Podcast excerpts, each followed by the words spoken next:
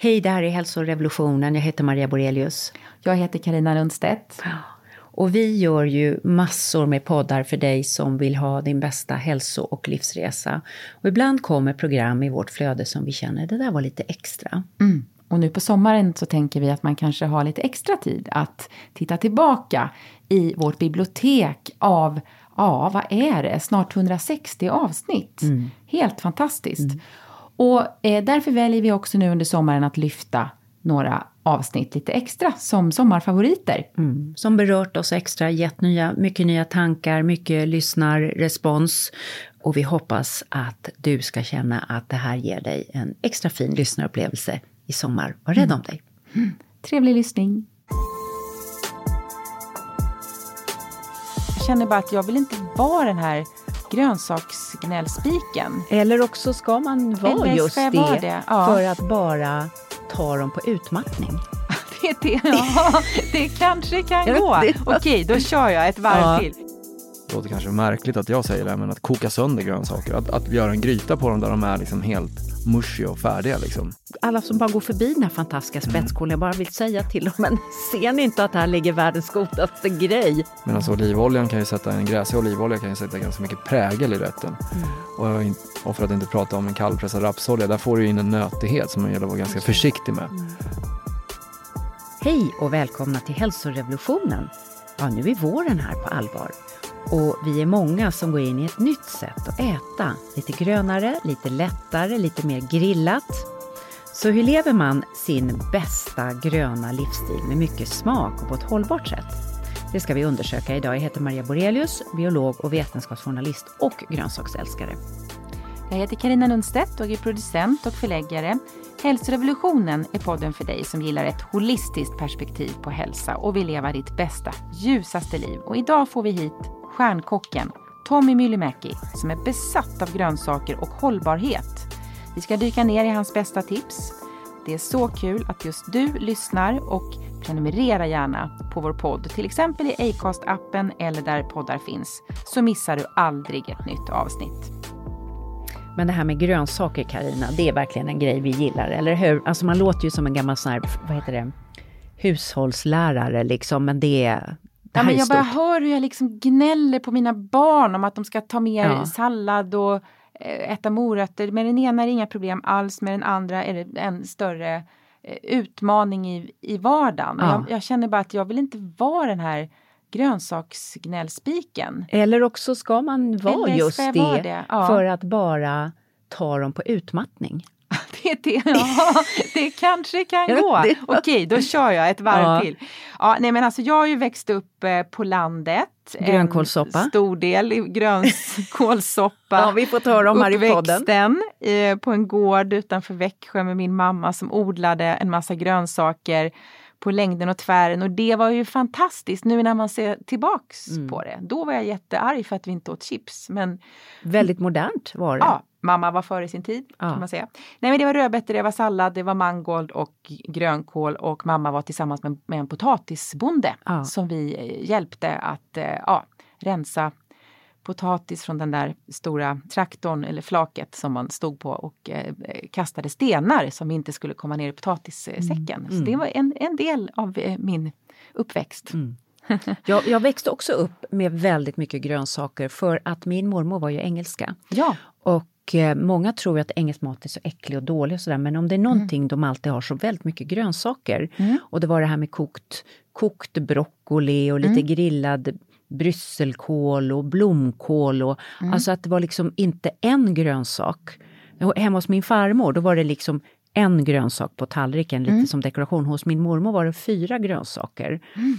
Uh, helt rätt ju. Helt rätt mm. som vi tänker idag. Va? Och mm. det där hade min mamma med sig. Och min mamma var sån här som kokade grönsaker och drack grönsaksvattnet. Mm. Hon hade väldigt, väldigt fin hy. Mm. För att få i sig de mineraler då som hade kok, läckt ur liksom mm. i kokvattnet. Så vi mm. växte upp med jättemycket grönsaker. Mm. Sen fanns det en massa raketost och O'boy och sådana grejer mm. som var kul när man var liten. Skogaholmslimpa. Ja. Andra mm. lingon, lingonbröd och vad det hette. Ja. Eh, balanserade dieten. Men jag har fått med mig det här och eh, sen jag la om livsstil, för mig liksom är grönsakerna, det är där det händer kul saker mm. på tallriken. Mm. Mm. Alltså man har någon grillad bit av någon protein eller lite sådär. Men det är ju grönsakerna som ger färg och Mm. spänst och yta liksom åt Mm. måltiden. Eh, Så jag alltid om och jag ska laga mat till familj eller vänner eller sådär. Det, det är där jag tycker det är kul Mm. att göra. Mm. Så min man och jag har sån här arbetsfördelning ofta att han gör någon form av protein, kanske potatis. Jag gör Ja. allt som är med grönsaker, röror, dippidipp. Men det är ju en ganska fin arbetsfördelning. Det kanske vi också skulle testa Ja. hemma. Jag känner att jag på något vis inte alltid gör mina eh, timmar i köket. Nej, jag, nej. Jag, jag har lite att utveckla där. Ja, Och- men Anders är väl väldigt eh, på hugget Ja men köket. han är jätteduktig och, och bra på att laga mat. Så att det Mm. har gjort att jag då inte alltid kanske är steget före utan Nej. snarare steget efter. Ja, men, men det, det är väldigt mycket kul man kan tänka för man kan ju tänka liksom att man har de kalla grejerna, det är ju sallader. Mm, Och så har man ju det som är varmt, Mm. som är kanske grillat med lite olivolja och någon krydda sådär. Det är ganska enkelt att, att göra det. Och sen har man det som är mitt emellan. Mm. Och jag, jag håller på mycket med olika såna här ljumma sallader nu. Mm. Att man har lite gröna blad och så lägger man grillade grejer på. Men det gillar jag när det inte bara är kallt. Nej. jag, jag tycker om varm mat. Ja, varm mat. Speciellt när det är såna här långa vintrar. Ja, absolut. Det, ja. Vi behöver ju det. Och det är väldigt, ayurvediskt att man Ja. ska ha sin varma mat. Ja. Och, och sen att lägga på lite kapris och hackad lök och persilja och sådana ja, grejer. Ja. Jag måste be dig om lite recept. Vi kanske kan, till och med kan dela något recept på vår Instagram. Ja, men det kan om vi du har absolut din göra. liksom Marias favoritsallad. Det Ja, vara mm, och det blir, det blir Jerusalemsalladen. Ja, Jerusalemsallad. Det är en fantastisk sallad där man, den har jag fått från Otto Lengis kokböcker. Ja, men den har jag hemma. Den har Ja. vi precis fått. Ja. Ja, eh, som han är israelisk kock som är verksam i London Mm. med flera krogar och han har skrivit en underbar bok som heter Jerusalem Mm. med en palestinsk kock. Så en judisk och en palestinsk, som ett fredsprojekt Mm. som handlar om Jerusalems mat och hur den förenar människor över gränserna. Spännande. Ja, och den här salladen är där och det är egentligen att du kokar bönor, du grillar paprikor och sen så eh, gör du en varm kryddolja med kapris som får liksom fräsa till och pluppa till. Och så har du lite kryddor som kokar i det där och sen så tar du bara bönorna och så lägger du på den grillade paprikan eller på kryddoljan med sin pap- kapris och sen massor med vårlök Mhm. och lite färsk koriander. Är så jäkla gott alltså. Det är sjukt, det är så när man ställer fram det, Ja. det är så här så, oj åt de upp skålen också. Nej, men du vet, när man bara känner, fopp, allting gick. Vad kul! Ja. Ja, men denna måste Den är succémat. testas. Det är ja, succémat. Idag ska vi få lära oss så otroligt Otroligt mycket, mycket. av en stjärnkock. Ja, men det är jättekul. Han kommer hit snart. Alla vet ju att grönsaker är bra för hälsan och man har ju börjat förstå de senaste åren att de här fibrerna och polyfenolerna ger mikrobiotan i tarmarna en väldig boost. Och man kan se hur 57 portioner grönt om dagen, det är jättemycket Ja, grönsaker. men verkligen, jag, jag försöker Ja, du bara och kämpar. försöker och Du bara äter och äter. tuggar. Ja, tuggar. tjatar på mina barn. ger, ger en kick till känslolivet. Och det här är rätt kul för man gjorde en stor studie på 45 000 personer, alltså jättestudie, under lång tid som visade att folk som åt mera grönt de skattade sig själva som mindre sorgsna, mindre ångestfyllda och uppfattade sin livskvalitet som högre. Och I en annan studie så kunde man mäta att grönsaksätande i sig gav en ökad upplevelse av, lyssna på det här, mening, kreativitet och nyfikenhet. Härligt! Fantastiskt. Ja. Fyndigt nog så döpte man den här studien till On Carrots and Curiosity, alltså om morötter och nyfikenhet.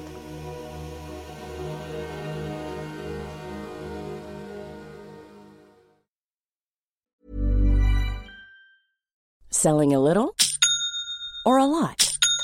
Shopify helps you do your thing however you cha-ching. Shopify is the global commerce platform that helps you sell at every stage of your business. From the launch your online shop stage to the first real life store stage, all the way to the did we just hit a million orders stage. Shopify is there to help you grow. Shopify helps you turn browsers into buyers with the internet's best converting checkout. 36% better on average compared to other leading commerce platforms because businesses that grow grow with Shopify. Get a $1 per month trial period at shopify.com/work. shopify.com/work. Quality sleep is essential. That's why the Sleep Number Smart Bed is designed for your ever evolving sleep needs. Need a bed that's firmer or softer on either side? helps you sleep at a comfortable temperature? Sleep Number smart beds let you individualize your comfort so you sleep better together. JD Power ranks Sleep Number number 1 in customer satisfaction with mattresses purchased in-store. And now, save 50% on the Sleep Number limited edition smart bed for a limited time. For JD Power 2023 award information, visit jdpower.com/awards. Only at a Sleep Number store or sleepnumber.com. Hey, I'm Ryan Reynolds. Recently, I asked Mint Mobile's legal team if big wireless companies are allowed to raise prices due to inflation. They said yes. And then when I asked if raising prices technically violates those onerous two-year contracts, they said, "What the f*** are you talking about? You insane Hollywood ass." So to recap, we're cutting the price of Mint Unlimited from $30 a month to just $15 a month. Give it a try at mintmobile.com slash switch. $45 upfront for three months plus taxes and fees. Promo rate for new customers for limited time. Unlimited more than 40 gigabytes per month. Slows. Full terms at mintmobile.com. Och nu har vi stjärnkocken Tommy Myllymäki här. Välkommen Tommy! Tack så mycket. Tack. Ja.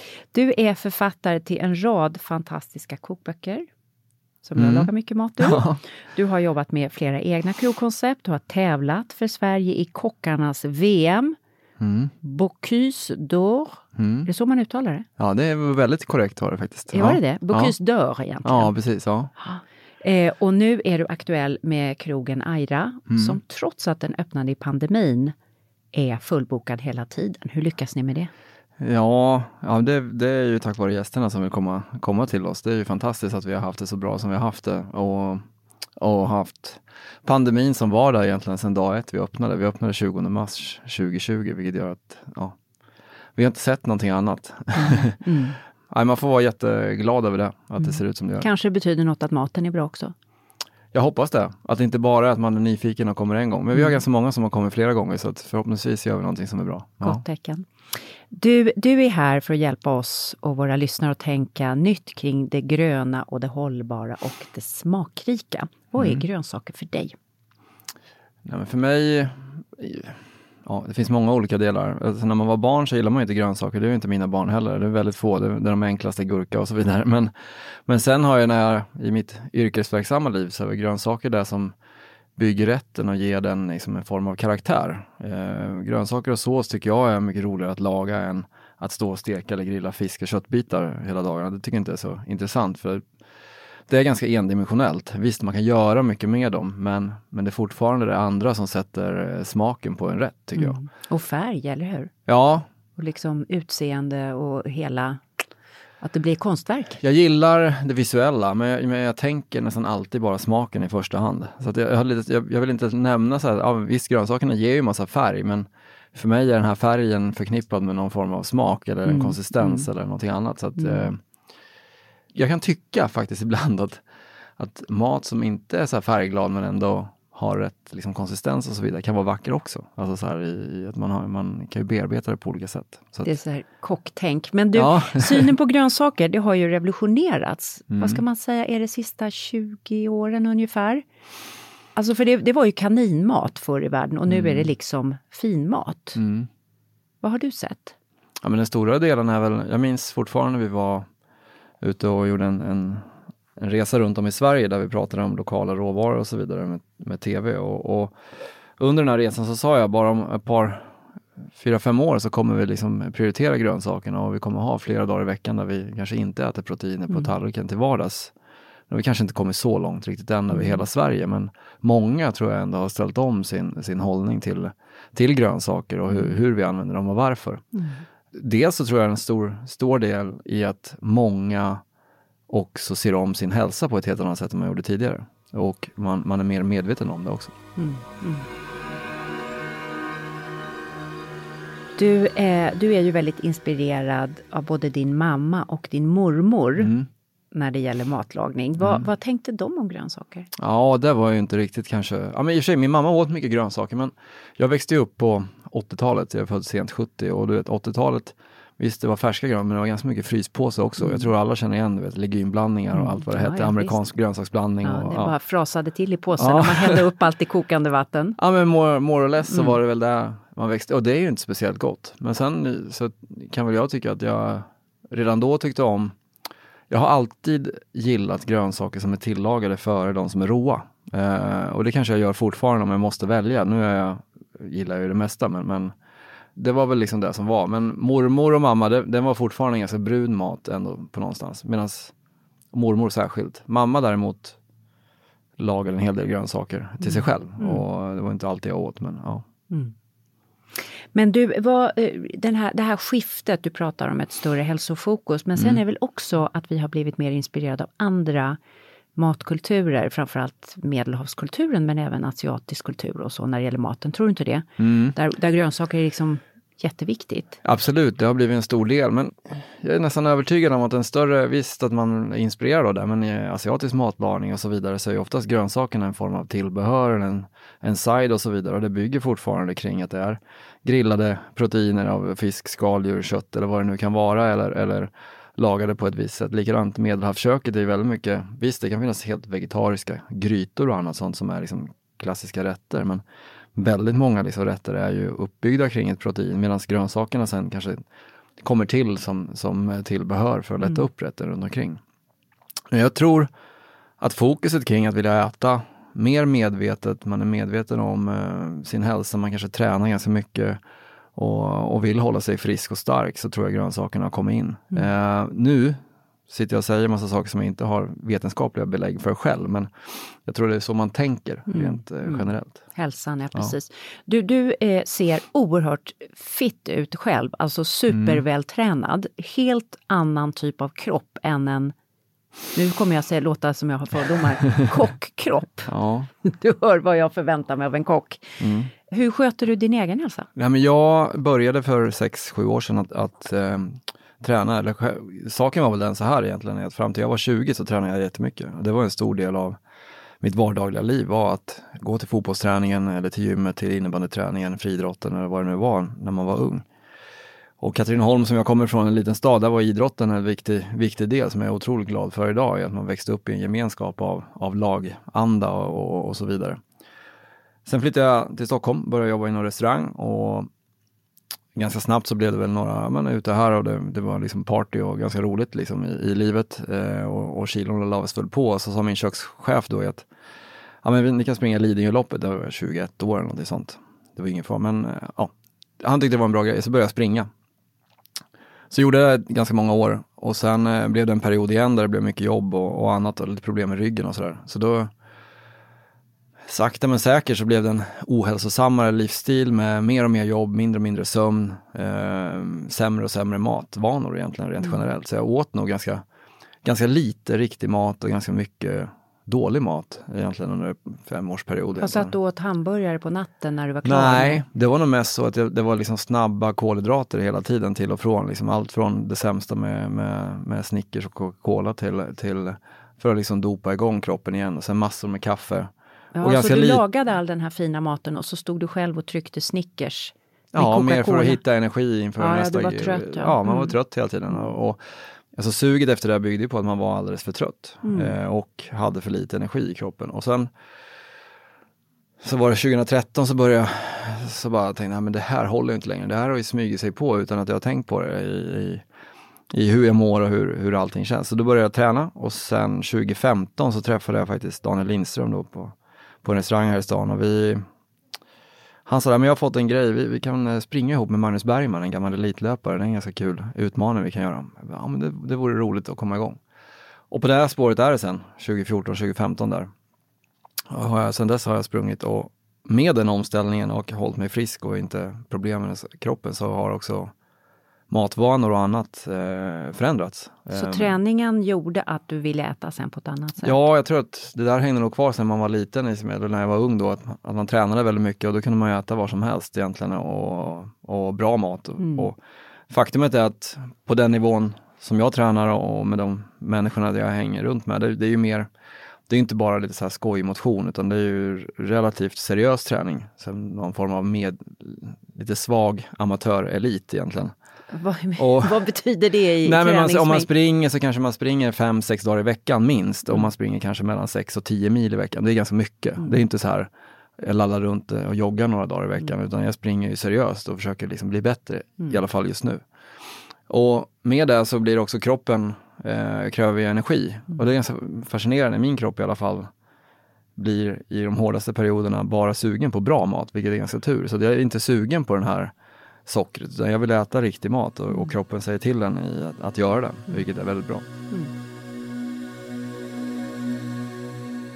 Men du, eh, om vi tittar lite då på den bra maten och vi pratar om inköpen. Du berättade att du hade rest runt Sverige och tittat på hållbarhet och sådär. Mm. Vad ska vi, hur ska vi finna de bra råvarorna? För bra grönsaker börjar med bra råvaror. Mm.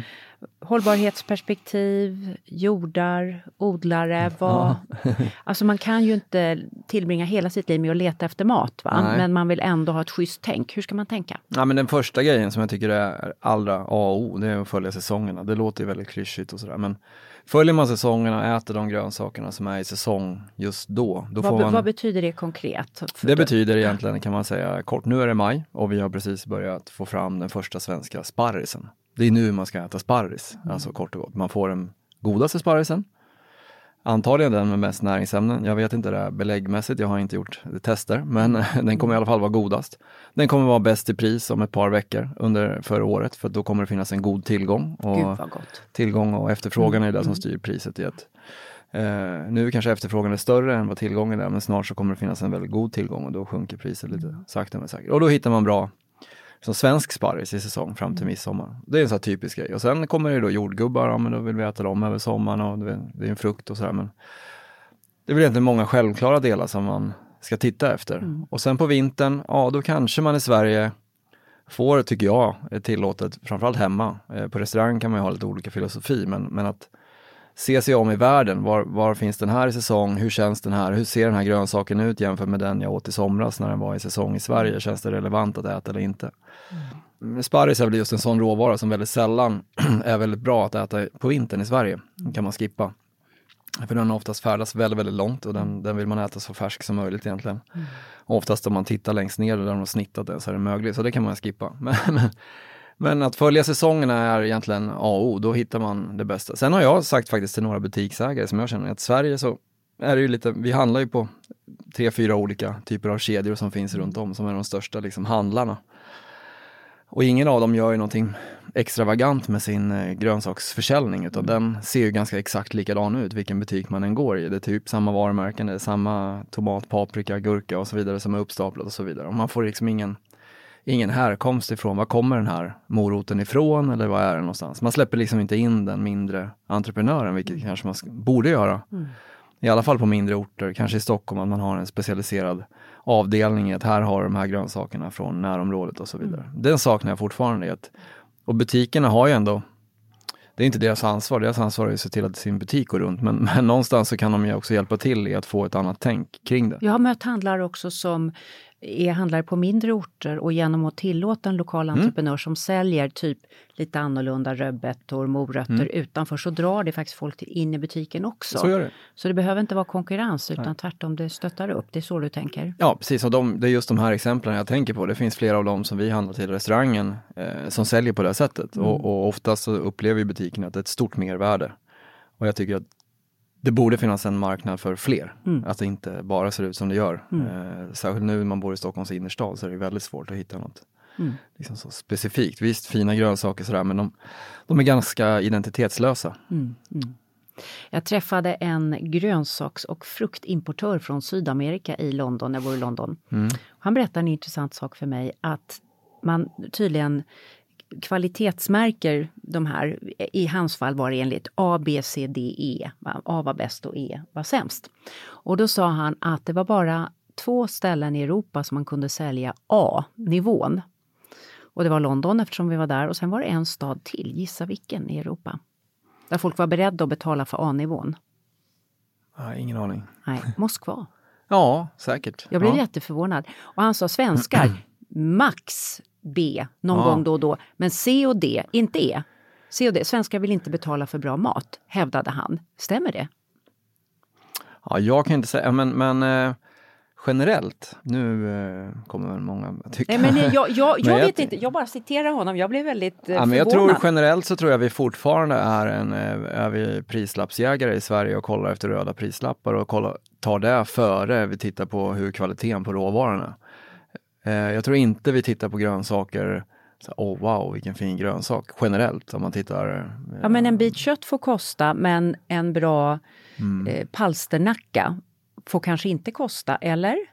Ja men så är det nog. Ja, Jag tror att det generell, den generella tanken är så.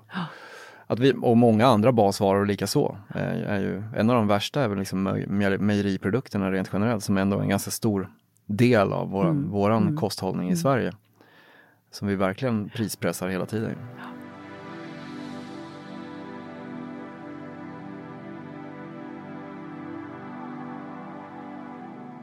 Om man då vill planera för att äta mera grönt, hur ska man tänka? Ska det gröna vara liksom huvudnumret eller ska man göra små sidogrejer som garnityr? Vad, vad är ett bra tänk tycker du? När jag handlar i affären och går, går och handlar så handlar jag grönsakerna först. För egentligen så kan du basera en rätt på att ja, men jag gör den här rätten med de här, säg att man gör en ratatouille. Åh, vad gott. Ja. Vad du har till den här ratatouillen sen, om du äter den bara som den är med bröd, eller om du gratinerar en bit getost till, eller om du steker lammkotlett till, eller om du steker kyckling till, eller om du steker en fläskkotlett till, eller lax, eller torsk. Det spelar egentligen ingen roll. Utan det är ju valet i att göra den delen först. Så tänker jag oftast. Särskilt över vår och sommarmånaderna. Att jag tittar hellre i butiken. Vad finns det för någonting som känns bra och som ser, ser eh, fräscht och bra ut i kvaliteten. I grönsaksdisken. För att därefter sen bara välja de proteiner som jag tycker jag är sugen på eller som ser bra ut även där. Så att jag börjar oftast i den änden. Och det är väl ett ganska enkelt sätt att börja äta mer grönsaker. Inte så stirra sig blind på ett recept på kyckling och sen ska man kombinera det med några grejer. Utan man, man börjar faktiskt med att välja vilka grönsaker man vill ha. För att sen att addera dit proteinet, det är ganska enkelt. Du, om man går in i en affär och vill se om de har en bra grönsaksdisk eller inte, vilka grönsaker ska man titta på? Vilka är såna här kvalitetsmarkörer? Oj! Ja, men som är lite mer känsliga liksom. Att, Ja, men jag skulle vilja säga allt, alltid att titta, nu är det väldigt tråkigt i Sverige, så det, det blir generellt, men sallad. Om man har alltså sallad som är bra sallad, då är det fräscht. Tyvärr så packas ju mycket sallad idag i sån eh, vakuumpåse och det är liksom färdigplockat och så Mm. Är så vidare. Men säg att det finns en grönsaksdisk som är mer levande i att salladen är som Mm. den är. Och om de, de då är, är fina och det är, jag skulle säga när det finns frilandsodlad sallad där man har liksom lite grövre blad som också har mer spänst och så vidare, då får man en annan, en annan karaktär på det. Och det där kräver ju sin att hålla ordning på. Egentligen så generellt alla grönsaker som inte är packade i någon plastförpackning, det är där man ska titta. För ju mer som är inplastat, desto mindre känsla blir det ju. Liksom. Alltså man har ingen Bra koll på det tips. riktigt. Mm, bra tips. Om, om man då ska laga den här maten, vilka, vilka värden är viktiga för dig? Liksom börjar du med att tänka smak eller tänker du näring eller tänker du tid eller? När du Jag brukar, lagar den här näringsfrågan kommer ju ganska ofta i, i den här. Jag brukar säga, jag tänker inte så mycket på, på näringsvärdet generellt själv egentligen. Det jag däremot kanske tänker på utan att utan att eh, jag tänker på det, utan det kommer per automatik, det är att min vecka hemma, eller våran vecka hemma, är oftast ganska varierad. Det är inte så att vi lagar kött med gräddsås och potatis tre dagar i rad. Sen har vi gjort en sån rätt, då kommer den kanske inte komma tillbaka på hela veckan utan vi kommer laga någon rätt som är buljongbaserad. Eller vi kommer laga någon rätt som är baserad på tomat eller någon annan sån typ av del. Och sen så jobbar jag på det sättet istället. Och då så tittar jag på en grönsaksrätt så är det samma sak där. Vad är det för typ av rätt jag ska göra med den här? Ska jag göra en, koka en indisk gryta på sötpotatis och linser eller ska det bli en, en eh, bara lättkokt blomkål med olivolja och parmesanost på? Alltså det, är så här, det är lite grann på hur, vad ska det bli för någonting av det här? Du- Och då tycker jag också att där finns det en variation i att tänka att ibland är det väldigt gott att och liksom låter kanske märkligt att jag säger det, men att koka sönder grönsaker. Att, att göra en gryta på dem där de är liksom helt mushy och färdiga. Liksom. Ja, Jag älskar Det det. är jättegott. Jag är barnbarn till en engelska. Jag är, Ja. jag är där. Jag är, inget, inget hårt utan mjukt. Det är jättegott. Ja, men sen så kan man också vilja ha rätter där man har mycket mer spänst Mm. kvar i- och det skapar en annan typ av och det är också en helt annan ätupplevelse. Mm. Och jag tycker den variationen, det gör oftast också att du får till det här med näringssammansättningen Mm. på ett bra sätt. Utan att man behöver hur tänka ser det på ut det. i köket när du lagar mat? Står du lite så här med någon liten skön, jag vet att du gillar jazz som jag Mm, gör, ja. med någon liten skön jazzmusik i bakgrunden? Jazzen kommer till ofta, väldigt ofta på morgonen eller i perioder där allt annat är, är hektiskt och sådär. Ja. Och sen kan det ju vara varierande musik, men jazzen återkommer ju. Vad är det Eh, då, då för absolut. jazz? Ja men det är blandat. Nu har det varit väldigt mycket Chet Baker på sistone och Miles Davis faktiskt. Ja, Mer bra. för att jag har köpt en vinylspelare precis ganska nyligen och Mm. sen köpt några vinylskivor. Jaha, du kör riktigt alltså? Ja, det kom till en fas där jag kände att ja, men nu, nu så valde jag liksom i, i, på Spotify att man bara gör en playlist som någon annan har valt åt en och det är roligt för man kommer på musik som man kanske inte har hittat själv. Men jag kände att jag ibland saknade liksom eh, själen av en, en hel skiva. Och det tyckte jag var eh, att komma tillbaks till, för jag är musikintresserad. Och i och med det här att man bara tar hits hela tiden och väljer den här låten och så byter jag på en gång för att jag vill inte höra den andra. Då växer inte heller en skiva. När jag var ung så köpte man en CD-skiva eller en LP-skiva tidigt. Så lyssnade man på den och det var egentligen inte, du köpte den för hitten som du hade hört på radio eller någonting annat. Men det var något annat spår som blev din favoritlåt från den sant. skivan. Och det saknar jag väldigt mycket. Därigenom så blev det en LP. Man upptäcker En musik. ja. Ja. fattar. Jag lyssnar själv. Eh, Jag har Nina Simon, Mm. Billie Holiday. Du har två män, jag har två kvinnor. Mm. Lite intressant. Ja, precis. Ja, men Nina Simone lyssnar också på. Det, det som har blivit är väl, är väl mer att jag... Eh, det finns inte så jättemånga som jag känner till som är kvinnliga som bara är instrumentala. Alltså så att det Mm. jag är utan det är sång. Utan Nej, det, det var oftast den, den tidens jazz var Mm. någon form av manlig. Man, Och när du springer då, vad är, vad är det för musik? Ja, men springer jag själv, vilket jag ibland gör, ofta i- tillsammans i grupp, så kan det vara, det är ju oftast en, en varierad eh, blandning. Allt från Wu-Tang Clan i hiphop till Bruce Springsteen. Kanske house-dängor till och med, som något som jag inte lyssnar på annars, men som, som kan vara bra beroende på vad det är för pass. Gamla Depeche Mode-låtar kommer ganska ofta in i, i spellistorna. Ja men det, där är det ganska mycket blandat. Du, du, du med någon form av- lyssnar inte på poddar, matpoddar? Det har hänt någon gång att Mm. jag har lyssnat på en podd, men jag tycker att jag, jag sackar tempo lite grann när jag lyssnar på podd. Mm. Det, då måste det vara ett pass som ska gå långsamt och oftast nu för tiden så har de passen blivit att jag springer ihop med någon annan och går och Mm. pra- pratar hela tiden istället. Så de, ofta, de passen jag har hörlurar till idag är där det ska gå lite snabbare och då behöver man ha lite mer eh, tryck. Tryck, Ja. tryck i lådan. Ja. Jag fattar hela grejen.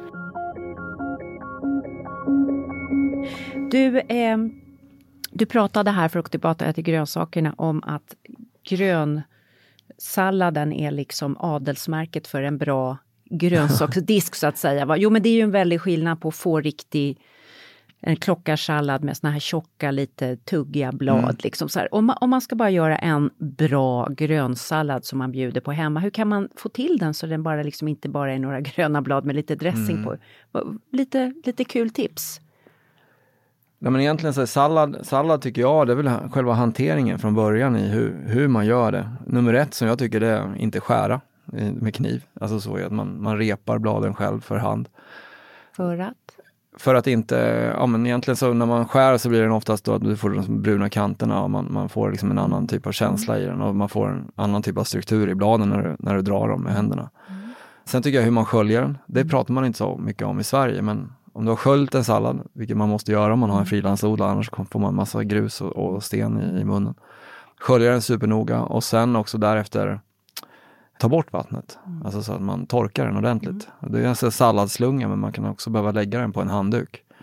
Eh, sen tycker jag att den, den behöver inte vara helt iskall utan det kan vara, är den bara sköljd ordentligt så gör det ingenting att den börjar liksom komma upp i, i, i lite temperatur liksom för den här.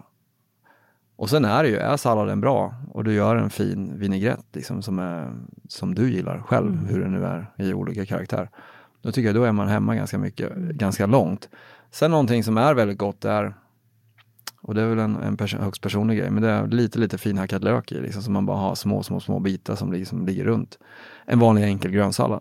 En vanlig gul lök alltså? Nej, jag ska nog ta en mildare variant då. Alltså så antingen en, en färsklök på sommaren eller, eller om man tar en, eh, en rödlök, en silverlök till och med. Kan vara, kan vara om, om man gör det, ska man ha lite senap då i dressingen för att bryta mot den här löken eller vad blir Mm, där kommer ju den här personliga Mm, frågan då. Gillar man senap? Jag gillar lite, lite dijonsenap, tycker jag är fantastiskt gott i att göra en, en vinägrett. Och, och det här med vinägrett, det har också oftast blivit väldigt så här, bortglömt i Sverige på något sätt. I att Visst, det är jättegott att bara ringla lite olivolja och salt över, det, det, det är ju härligt. Men en vinägrett är ju ganska enkel att göra. Du kan ha den i kylskåpet och sen bara skaka runt den och, och så kommer den vara bra och den håller. Man behöver inte köpa en färdig som det finns idag. Det, är Nej, men det känns bara som och enklare värld, att ja, världens, eller hur? Ja, och, och det där, det förgyller egentligen det mesta. Om du till och med gör en råkostsallad på råryn och morötter och bara drar lite vinägrett över så blir det en helt annan grej. Så den skulle jag vilja slå ett slag för. Eh, För att den tror jag har blivit lite bortglömd. Det är väldigt mycket så här feta majonnäsdressing och så vidare. Det är ju smarrigt liksom. men, en, men en vanlig, bra, välbalanserad vinägrett med lite, lite finskuren lök eller gräslök i eller så här. Det, det tycker jag är super. Ja. Och tre delar olivolja till en del vinäger, eller? Mm, precis, 3-1. Ja, tre ett. Det Den håller du på också. Ja men det tycker jag är viktigt och den, den kan man ju då välja. Sen kanske jag vill tuffa till den lite grann om jag har typ exempel rotfrukter och annat sånt i som liksom kräver lite mer tryck emot, alltså så att man har högre syra och sådär. Det beror helt på vad man har för grejer i. Och Skulle man sen blanda i proteiner och annat då måste man också kanske värdera det där, vad man gillar i, i syramängd. Trycka upp eh, vinägermängden lite grann, eller Mm. Ja. ha i lite citron eller Ja, precis. något sånt. Där. Och där brukar jag tycka att också, jag brukar inte blanda citron och vinäger så ofta utan använder jag citron så använder jag eh, fruktsyra Mm. rakt igenom hela rätten och använder man vinäger så använder jag vinsyran, Mm. alltså så rakt igenom. Du, eh, alla de här olika balsamico-vinägrarna, det har Mm. ju blivit en jätteexplosion på mathyllorna. Man kan gå där det är mango och det är dittan och det är dattan. Ska man gå liksom wild, får man ut mycket effekt eller ska man bara köra en vanlig vitvinsvinäger eller rödvinsvinäger? Eller vad, vad, ska Nej, man lägga en- pengarna på alla de här extra grejerna? Uh, ska man säga här? Det, det finns väl lite olika nivåer på det där. Mycket av de här vinägrarna vet man ju knappt ens produktionssättet i, i hur, hur de kommit till. Så till att börja med så är det bara att hitta en favoritvinäger som är vit eller röd, skulle jag säga, som man uppskattar att använda själv. De smaksatta, de kan man ju faktiskt styra upp själv om man vill ha, så den, jag brukar inte köpa det. Eh, det är inte riktigt min grej. Jag brukar ha en vitvinsvinäger, en sherryvinäger faktiskt av någon sort som man gillar. Den har ju oftast en lite så söt, eh, liksom oxiderad ton i bakgrunden och sen rödvinsvinäger. Balsamvinäger är ju ganska gott i vissa sammanhang eh, kan jag tycka, men den är inte så, här, så användbar som många tror. Utan jag, jag har den bara ibland till, till tomater och annat sånt i, som man kanske vill ha den. Men, men eh, oftare vitvins eller rödvinsvinäger, mm. Då kommer vi osökt in på nästa område som är tomater och du Mm. har ju din grönsakskokbok, jag berättade för dig innan, vi- som jag älskar. Jag Mm. rekommenderar alla att köpa den. Ja, den är sönderlagad hemma hos mig, den har också stora fläckar överallt. Det är ett gott tecken. när Mm. Det är bra, kokböcker- det ja, jag. det är liksom, de är bara så här. Och där gör du bland annat jättegoda såna här soltorkade tomater, eller du har liksom att man grillar väldigt länge, Mm. tomaterna med, med kryddor. Du har med timjan, Salt, lite socker. la, lite, ja, lite socker, jag tar faktiskt lite honung. Men eh, ja, Precis. så man, vad, vad är gott att göra med tomater? För vi köper ju gärna tomater och så bara skär vi upp och lägger på tallriken. Ja, men jag tycker just den där delen i att om man har många tomater själv hemma, att, att eh, konservera dem på det där sättet, det är fantastiskt. Sen kan man ju torka dem lite eller ganska länge så att de Mm. Precis. blir mer eller mindre färdiga. Lägga dem i en god olja så kan man ju ta fram dem hela tiden. Det tycker jag är, är supersmarrigt. Sen är ju en tomat, och det är väl också en sån, sån del i att en tomat som är perfekt mogen, äter den eh, liksom rumsvarm eller varm med, med eh, olivolja eller salt eller, och, och salt eller någon vinägrett. Det är väl fantastiskt. Mm. Men sen är ju tomaten i sig själv, som jag sa innan, man kan, göra, man kan välja att göra tomatbaserade rätter. För mig har ju tomaten nästan alla karaktärer av att den bildar som en egen buljong eller fond Mm. till en rätt. I att du kan inkorporera många andra grönsaker eller många andra råvaror i den för att sen, som den bär upp. eh, Mm. Varför är den så populär? Är det för att den är både söt och salt och sur och den är allt Mm. liksom? Och sen har den en umami-rikedom också när den liksom blir eh, lagrad så där länge. Liksom, att man bakar den så har ju tomaten liksom en, en smakförstärkande effekt. Just och jag tror det är därigenom den, den kommer, att den har den, den smaken. Och framförallt så tror jag många uppskattar det också. På, Ja. Den är ju populär över hela världen Ja. Mm. så det är verkligen så här universal mat, eller hur? Alla gillar tomatmat. Det är väldigt få grönsaker som man baserar en, en hel rätt på, Mm. förutom just tomat. Intressant.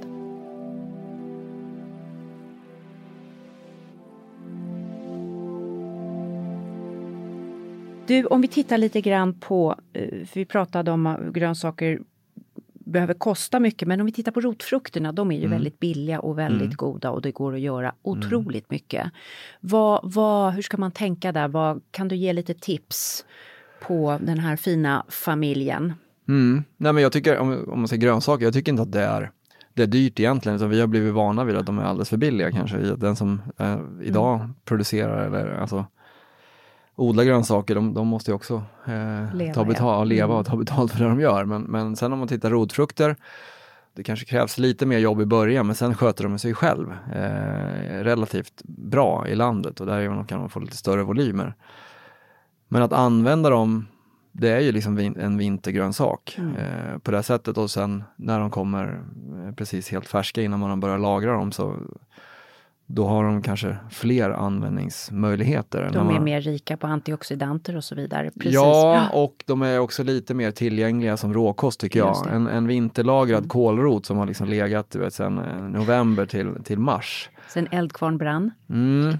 Där får du ju en karaktär av bitterhet och lite annat sånt som mm. man kanske inte uppskattar så jättemycket. Medan när den är helt nyupptagen ur landet så har du mm. liksom en, en juicig grönsak som liksom har en, en helt annan karaktär.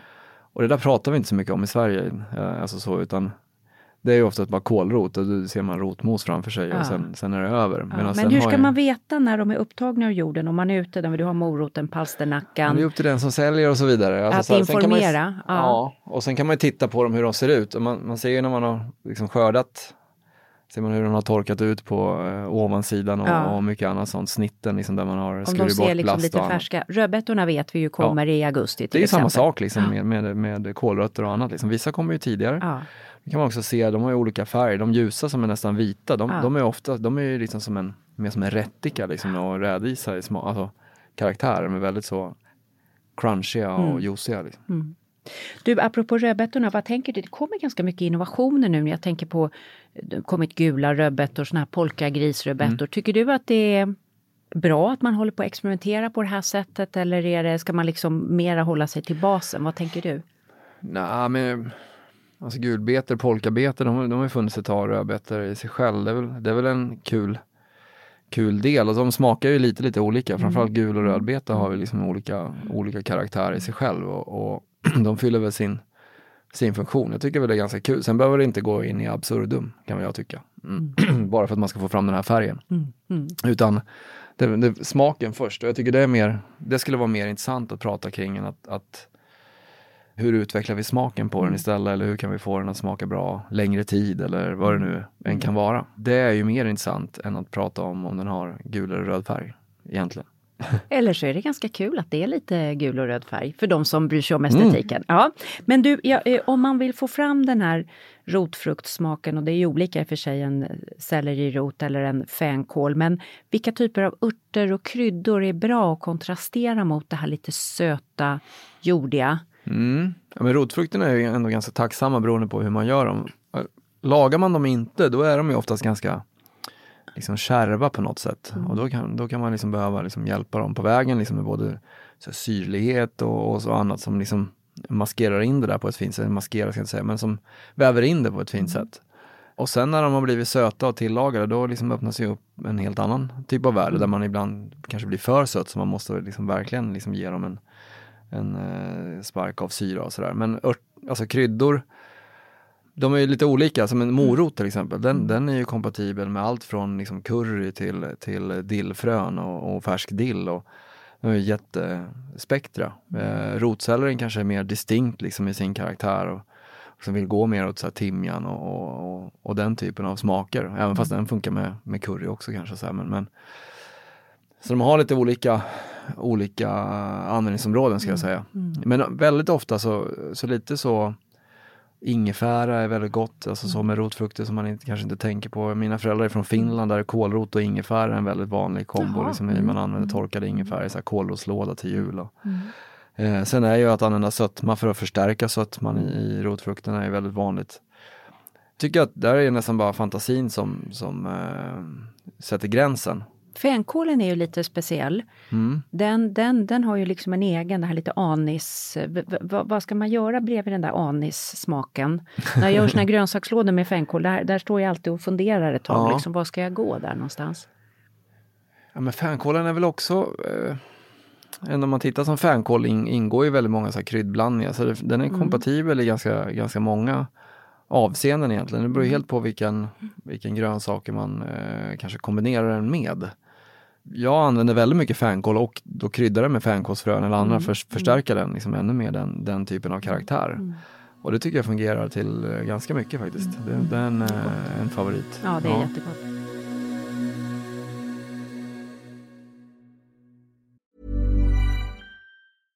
Hey, I'm Ryan Reynolds. At Mint Mobile, we like to do the opposite of what Big Wireless does. They charge you a lot, we charge you a little. So naturally, when they announced they'd be raising their prices due to inflation, we decided to deflate our prices due to not hating you. That's right. We're cutting the price of Mint Unlimited from $30 a month to just $15 a month. Give it a try at mintmobile.com slash switch. $45 upfront for three months plus taxes and fees. Promo rate for new customers for limited time. Unlimited more than 40 gigabytes per month. Slows. Full terms at mintmobile.com. Cool fact a crocodile can't stick out its tongue. Also, you can get health insurance for a month or just under a year in some states. United Healthcare short term insurance plans, underwritten by Golden Rule Insurance Company, offer flexible, budget friendly coverage for you. Learn more at uh1.com. Many of us have those stubborn pounds that seem impossible to lose, no matter how good we eat or how hard we work out. My solution is PlushCare. PlushCare is a leading telehealth provider with doctors who are there for you day and night to partner with you in your weight loss journey. They can prescribe FDA-approved weight loss medications like Wagovi and Zepbound for those who qualify. Plus, they accept most insurance plans. To get started, visit plushcare.com slash weight loss. That's plushcare.com slash weight loss. Och sen har vi ju svampen mm. som vi väl får lägga in i det här landskapet. Ska man vara, ska man vara väldigt säsongs, säsongssvampig så att säga? Ska man gå på det här på hösten eller vad säger du om? För de här svamplådorna ligger ju där i, i disken året runt. Men jag tycker, som man säger, den odlade svampen som finns, alltså de svampodlare som finns runt om i Sverige och, och det är ju en fantastiskt fin svamp som man kan använda, använda året om. Så det tycker jag absolut. Men sen, vi är ju jätteslarviga både med vilda bär och vildsvamp att, att gå ut och plocka själva. En del gör det jättemycket och andra bara är ganska bekväma och handlar. Plockar du själv? Ibland, men jag är en ganska dålig svampplockare faktiskt. Ja, det är en konst. Vi Ja. har plockat mycket trattisar och det är ju en stor konst. Ja, Liksom, vissa är svampfinnar och andra inte. verkligen. Mm. Ja, men jag, jag, jag hör nog till den här som är lite sämre, skulle jag faktiskt säga. Ja, ja. Jag önskar att jag var bättre, för jag, jag trivs att vara i skogen, jag jagar och så här, men, men, Mm. men eh, jag önskar att jag skulle vara en bättre, bättre svampperson faktiskt. Mm. Ja. Sen kommer vi ju in på det här som ofta blir lite underskattat för att det är så självklart och vardagligt. Jag tänker på den vanliga potatisen och jag tänker på vitkålen också. Billig mat men också väldigt bra mat och som kan vara av fantastisk kvalitet. Och jag tänker just på vitkålen, den här spetskålen. Den bara ligger där. Och jag bara liksom, jag köper alltid, jag bara, alla som bara går förbi den här fantastiska spetskålen, jag bara vill säga till dem, men ser ni inte att här ligger världens godaste grej? Ja. Ja. Jag skulle nog säga att vitkål, och framförallt nu, vi kommer in i maj, snart kommer vi in i juni, då finns det färsk vitkål, Mm. kommer finnas som sommarkål. Det är väl liksom kanske höjden av det bästa med kål. Och jag är likadant som du, eh, att jag älskar den, den typen av råvara. Vi, hemma så äter vi den istället för sallad. Ja, Så vi använder den som en bas och då använder jag kniv för då skär jag den. Då vill man liksom ha det tunt och krispigt. väldigt och tunt, ja. precis. Och vad gör du? Lägger du den då lite vinägrett ett tag innan så att den hinner mjukna till? För det brukar jag göra. Är det Mm. det man ska göra? Jag har inbillat mig det med. Det kan vara, sommarkålen gör jag inte det med. Nej. Men om det är en, en eh, vitkål som är av kraftigare karaktär som man har på vintern, då rekommenderar jag att göra det och då skär jag den ännu tunnare. Sommarkålen kan man ju ha ganska grova bitar. Mm. Ja. Skär du som- med mandolin då eller med? Ja, mandolin. Ja. Så Osthyvel har jag märkt funkar Ja, det också. funkar jättebra. Ja. Ja. men just det att skära den jätte, jättetunt tycker jag är viktigt med, med den eh, liksom lagrade vitkålen som man har på vintern för att liksom få den elegant. Sen Mm. kan man ju tillaga den och då, liksom få den eh, lite mjukare och sådär. Men är, är det stora bitar av det så kan det upplevas lite träigt Ja, faktiskt. Och då är det inte så lätt att sälja in Nej. till barn och andra. Precis, det är lite av ett motstånds Ja. uppförsbacke. Du, en bra vinägrett till en vitkålssallad, vad, Mm. behöver man tänka något extra där kring eh, sammansättningen? Nej, jag tycker det är bra, men jag tycker som jag ska säga där, på sommaren, till sommarkålen behöver man liksom inte krångla till. Men till vitkålen på vintern så tycker jag en liten nypa socker eller honung eller något sånt för att lyfta. För den, den har oftast en liten kärvhet i sig själv. Alltså så här, och då kan man liksom locka fram den och sen tycker jag också i att den, den kålen som vi pratar om då, vinterkålen, den, den vill man också massera lite grann så man får igång den lite grann så dressingen går in. För den är ganska tålig. Med händerna då så men kör man, du... Ja, lite grann som man skulle göra en coleslaw, att man Ja. liksom kramar in det lite grann och Ja. bryter sönder den lite, lite grann. Ja. Då upplever jag som att det blir lite godare Ja. faktiskt. Och där ger du ett annat bra tips, coleslaw, Ja. att göra hemmagjord. Gör du den med en hemmagjord majonnäs då eller med lite Ja. riven morot eller vad är ditt favoritknep? Ja men så är det. Där finns det lite olika vägar liksom hur man vill göra. Jag tycker det är väldigt gott att smaksätta också med färsk, alltså med kummin, med kumminfrön. Alltså så i, och, och lite vitlök. Men det kan man ju välja helt fritt själv. Men just att använda vinterkålen är att, att massera den lite grann och krama sönder den och sen göra en dressing. Jag, jag brukar göra så med ganska mycket färsk koriander i och limejuice och, och, och som går liksom mer åt ett mexikanskt håll och chili och så vidare. Och så blir det en ganska het liksom vitkålssallad. Det, det tycker jag är supergott. på Och vad, det har du till vad då lite? Ja men till fredagstacos. Då kan Fredagstacos. man liksom ha tacos så har man det som en vuxen eh, sallad ovanpå och så får man ju liksom den, blir som en ja, sallad med chili, lime och, och vitkål som är ganska crunchy och, Men och, gud vad gott, det måste jag göra ja. ikväll. Jag, blir, jag bara känner hur det drar i hela munnen. Du, ehm, potatisen då, vår hedliga Ja. kokta potatis. Vad, vad, vad, hur förvaltar vi den bäst vid måltiden tycker du? Ja, jag äter väl, jag har ju småbarn så vi äter väl ganska mycket potatis och den har, ibland så blir det perioder man har kanske mer ris och pasta och sen så säger barnen men nu vill jag ha potatis och, och faktum är att den går ju hem hos alla tre på ett eller annat sätt. Och ett tag var det en sån himla rädsla för att äta potatis, man skulle inte äta potatis för att det var kolhydrater och det var hit och dit. Eh, men det är en fantastiskt god råvara som har väldigt många olika användningsområden och nästan kan bilda enkla vardagsrätter i sig själv. Säg som raggmunk eller rårakor och så vidare som går att kombinera med både med fläsk, med löjrom eller med lingon bara eller hur man nu vill göra. Mina barn gillar bara att ta gräddfil eller crème fraîche till och sen har de lite grönsaker så äter de rårakor rakt upp och ner vilket är eh, väldigt, väldigt gott, Gott. Eh, i sig själv. Och sen en bra kokpotatis. Det som är grejen där är väl att även där så, så kanske det blir lite misshandlat i butik. Det är väl liksom bara stora containrar liksom med, med potatis som ramlar ner där och man har liksom ingen riktig koll på ja, vad man har gör stått och eller- grävt i de där burkarna. Ja. Ja men det, det är väl lite sådär att de blir lite hårt utsatta kanske eh, för annat.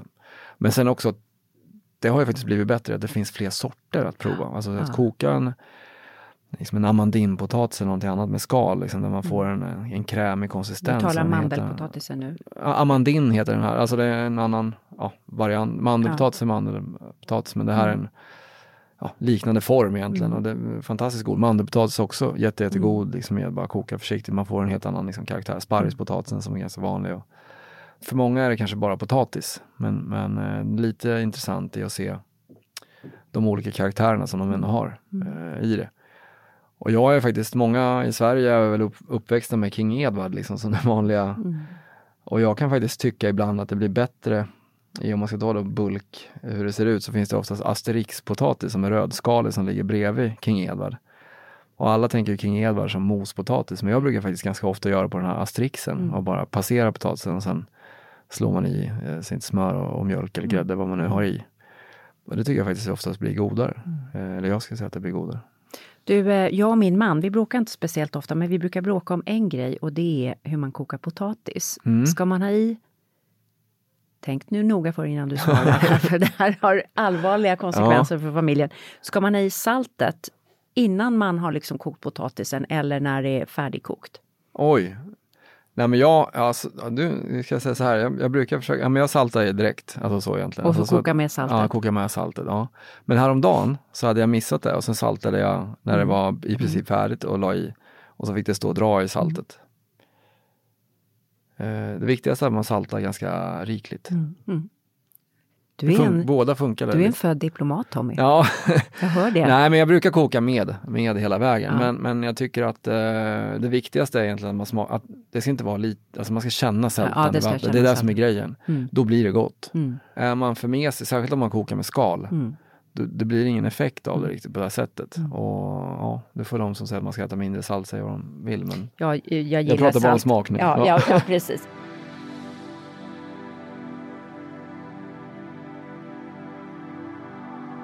Du, eh, väldigt viktigt när det gäller grönsaker det är ju att ha oljor och fetter och så vidare som, Mm. som höjer smaken. Om du bara skulle titta lite grann, om vi skiljer på olivolja, vi har smör, vi har kokosolja, vi har majsolja, sesamolja, alla Mm. de här olika, rapsoljan. När ska man använda vad liksom? Dels är ju smak, smakmässigt vad man gillar eh, kring det. Jag kan uppleva att eh, varma grön, alltså smör är ju fast form när det är kallt. Kanske inte supergott att äta liksom kalla grejer med, med med smör runt omkring som fastnar och sådär, utan då är det oftast i varma, varma sammanhang. Medan liksom en kallpressad rapsolja eller en kallpressad olivolja funkar i, i rå kostsammanhang. Sen kan man ju liksom, om man äter det väldigt snabbt, bryna smör till exempel och hälla över liksom, eh, morötter eller rotselleri och du vet, få en råkostsallad som blir lite ljummen. Om man äter det på en gång. Det blir supergott. Eh, men jag skulle säga att smör eh, har ju en väg när grönsakerna är kokta och så vidare. Då kan man bryna smöret eller bara skicka i det helt och sen blanda runt det så att det smälter runt omkring lite salt. Du får ju en liksom en animalisk ton eh, eftersom det, det kommer från djurriket och, och en annan typ av rundör. Medan olivoljan kan ju sätta, en gräsig olivolja kan ju sätta ganska mycket prägel i rätten. Och, in- och för att inte prata om en kallpressad rapsolja, där får du in en nötighet som man gäller att vara ganska försiktig med. En del uppskattar inte den alls, men jag, jag uppskattar det väldigt mycket men har förstått att man kanske måste spä den med lite vanlig neutral matolja så man får en lite mildare smak. Då blir den lite hasselnötslik. Och någonting som är väldigt gott tillsammans med kallpressad rapsolja just, det är faktiskt att ta solroskärnor som man rostar ganska hårt så de blir riktigt rostade och sen gör man en vinägrett på det. Hälften hälften vanlig neutral matolja och, eh, och rapsolja, kallpressad. Och sen i med solroskärnorna. Det blir väldigt så här nötig utan att det är nötter, för den som är nötallergisk och gott. så Och vad vidare. har du för vinäger i det? Ja, där kan man välja, men sherryvinäger där skulle jag använda. Sherryvinägern ja, igen. Jag tror jag måste skaffa en sån. Ja, Det är ingenting som jag känner finns sådär i vanliga fall, eller? jo men det har nog blivit ganska vanligt. I, i, vanliga, I professionella kök så Ja. finns det nog alltid en sherryvinäger. jag förstår det, men det är, liksom, det är inte så att man går ner till Coop och så har en sherryvinäger. Det är ingenting de plockar fram direkt. Ja, men det finns nog på de flesta hyllor Ja, idag. okej, Ja. Okej, jag ska leta. Du, om man nu vill ha en liten odling hemma, man har en liten plätt i trädgården eller man har en liten balkong med några lådor. Vad, vad skulle du säga så här, om du har de här fem grejerna kan du alltid få till något kul. Vad skulle det kunna vara? I odlingslådan? Eller? Ja, eller man har någon liten plätt, man kallar det för en liten potager heter det ju på Ja. trädgårdsspråk. Man liksom odlar några saker. Just det. Nej, men, eh, någonting jag skulle odla om jag hade det, jag skulle odla purjolök. Purjo. Liksom, den, den är aromatisk och den går att använda både liksom, rå i olika liksom, salladssammanhang, bräsera den och äta den som, i sig själv eh, som en god grej. Jag skulle nog odla kanske någon form av eh, kål. Eh, jordärtskockor tycker jag en, det går att göra ganska mycket med. Sen skulle jag nog lägga timjan. Eh, Växer bra också i sån här Ja. liten låda ju. Och, Rosmarin växer väldigt bra i låda. Ja, Är du rosmarinkille? Absolut, ja, men jag tycker Ja. det är gott. Man får vara lite försiktig bara. Den, den är ju ganska Stärka. kraftfull liksom i sig själv. Eh, men grönsaksmässigt så är det nog eh, där. Och sen, sen är det smidigt att odla, det är ju zucchini. Det, det kommer massor. Så att det, Gott med chili och mynta ihop. Mm. Vi har ju något som vi brukar kalla för veckans ört eller veckans krydda. Om du får välja veckans ört eller krydda, vad skulle du välja då? ja, men då skulle jag säga ramslök.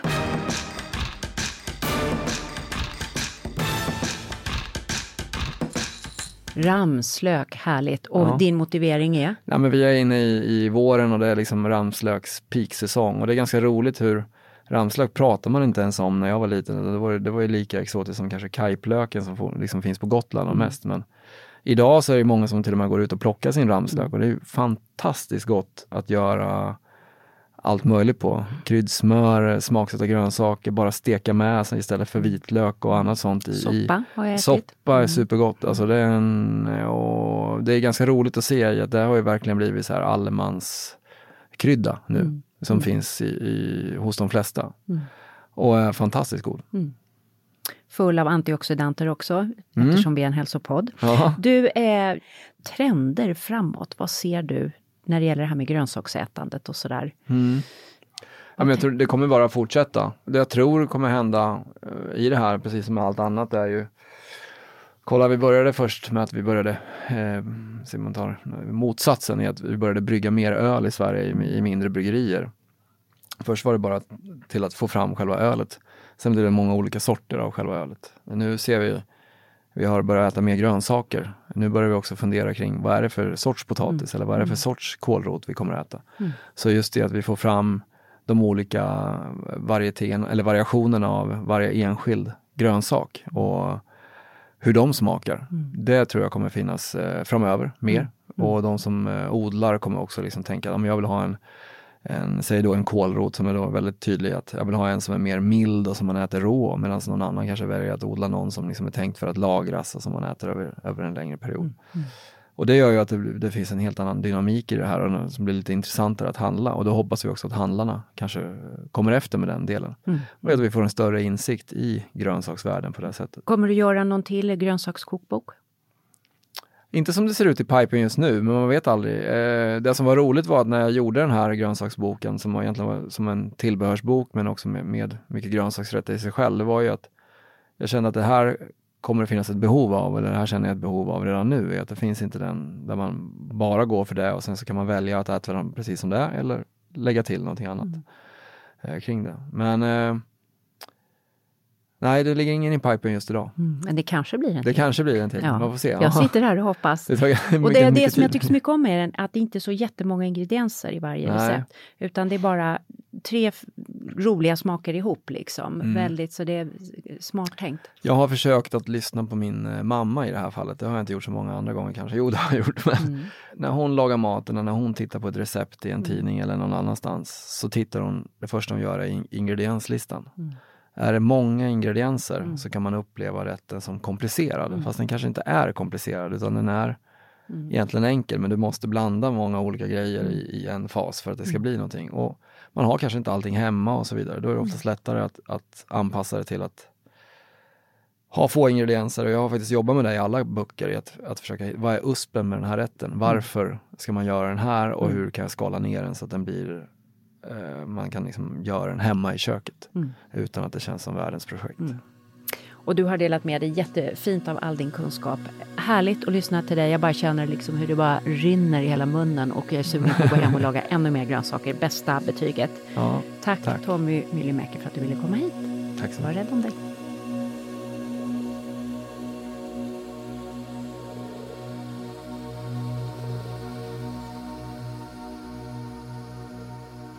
Ja, Karina. En grönsaksbombning har vi fått idag. Ja, alltså fantastiskt intressant. Vilket avsnitt. Jag eh, känner att jag kommer att förändra mitt sätt att laga mat nästan. Ja. Vilket ju uh, låter pretentiöst. Nej men det här med grönsakerna först. Grönsakerna först, det precis. är ju så bra. Ja. Jag gör nog så eh, utan att ha tänkt på redan. det. Ja. Alltså att jag går dit först och tittar på vad som finns. Ja. Men jag inser ju en grej jag måste ändra. Jag har ju köpt väldigt mycket salladsblad i plastpåsar. Ja, det, det var också så här, Jag känner shit, jag är ute och snurrar och jag måste gå mer på de här, ja men de här liksom rena bladen ja. som ligger och salladshuvudena och blanda lite grann. Och att, eh, ja, men jag blev sugen på coleslaw. Jag tror jag ska hem och göra det idag. det är väldigt, det är väldigt gott. gott. Jag älskar det. Jag brukar ha lite så här mald koriander i min, det tycker jag är jättegott. Men han tyckte man skulle ha mald koriander med chili och limejuice. Mm. Oh, vad gott! Mm. Nej, det, jag har eh, antecknat här i, idag och detta avsnitt hoppas vi kommer lyssnas på framlänges och baklänges. Ja, om verkligen. man behöver inspiration i köket. Ja, verkligen. Och eh, det är ju eh, intressant också att liksom i många kulturer i världen så har man ju väldigt mycket grönsaker hela tiden som mm. man blandar. Och där kan man ju använda till exempel lite bacon till som en smaksättare. Det behöver inte vara en jätteportion bacon mm. utan det är med mm. och sätter smaken. Ja. Även om ju jag tror på att äta ganska mycket protein men det behöver inte alltid vara animaliskt protein. Nej. Men just det här, var kul att se att även Tommy Myllymäki tycker verkligen att grönsaker är det som ger. Det är liksom mm. då det händer. Ja. Det är då det är kul med maten. Först gör du en ratatouille och sen bestämmer du Precis. vad du ska ha för protein till. Precis, det kanske ska bli en ratatouille idag. Det är ja. väldigt gott. Lite hackad zucchini, hackad äggplanta, paprika. Mm. Mm. Sen kan man nog slå en liten burk med konserverade tomater på där. Och, det kanske man kan. Ja. ja mm. Gott. Mm. Det kanske blir det, vem vet? Ja. Vem vet? Har du tankar om detta med grönsaksätande och varför vi äter som vi gör eller inte äter tillräckligt med grönsaker? Om det är något du vill berätta om som ni håller på med i din familj eller din nära krets, skriv gärna till oss, eller hur Karina? Mm. Vi har mejladressen halsorevolutionen podcast.gmail.com och så finns vi även på Instagram, at halsorevolutionen podcast. Mm. Hej då och happy grönsaksätande får vi väl säga. Tack för att ni lyssnar och sprider podden till alla ni känner. Hey, it's Danny Pellegrino from Everything Iconic. Ready to upgrade your style game without blowing your budget? Check out Quince. They've got all the good stuff shirts and polos, activewear, and fine leather goods, all at 50 to 80% less than other high end brands. And the best part? They're all about safe, ethical, and responsible manufacturing. Get that luxury vibe without the luxury price tag. Hit up quince.com slash upgrade for free shipping and 365 day returns on your next order. That's quince.com slash upgrade. Mom deserves the best, and there's no better place to shop for Mother's Day than Whole Foods Market. They're your destination for unbeatable savings, from premium gifts to show-stopping flowers and irresistible desserts. Start by saving 33% with Prime on all body care and candles. Then get a 15-stem bunch of tulips for just $9.99 each with Prime. Round out Mom's menu with festive rosé, irresistible berry chantilly cake, and more special treats. Come celebrate Mother's Day at Whole Foods Market. This message comes from BOF sponsor eBay. You'll know real when you get it. It'll say eBay Authenticity Guarantee. And you'll feel it. Maybe it's a head turning handbag, a watch that says it all, jewelry that makes you look like the gem, or sneakers and streetwear so fresh every step feels fly. eBay gets it. So look for the blue check mark next to that thing you love and be confident that every inch, stitch, sole, and logo is checked by experts. With eBay Authenticity Guarantee, you can trust that feeling of real is always in reach. Ensure your next purchase is the real deal. Visit eBay.com for terms.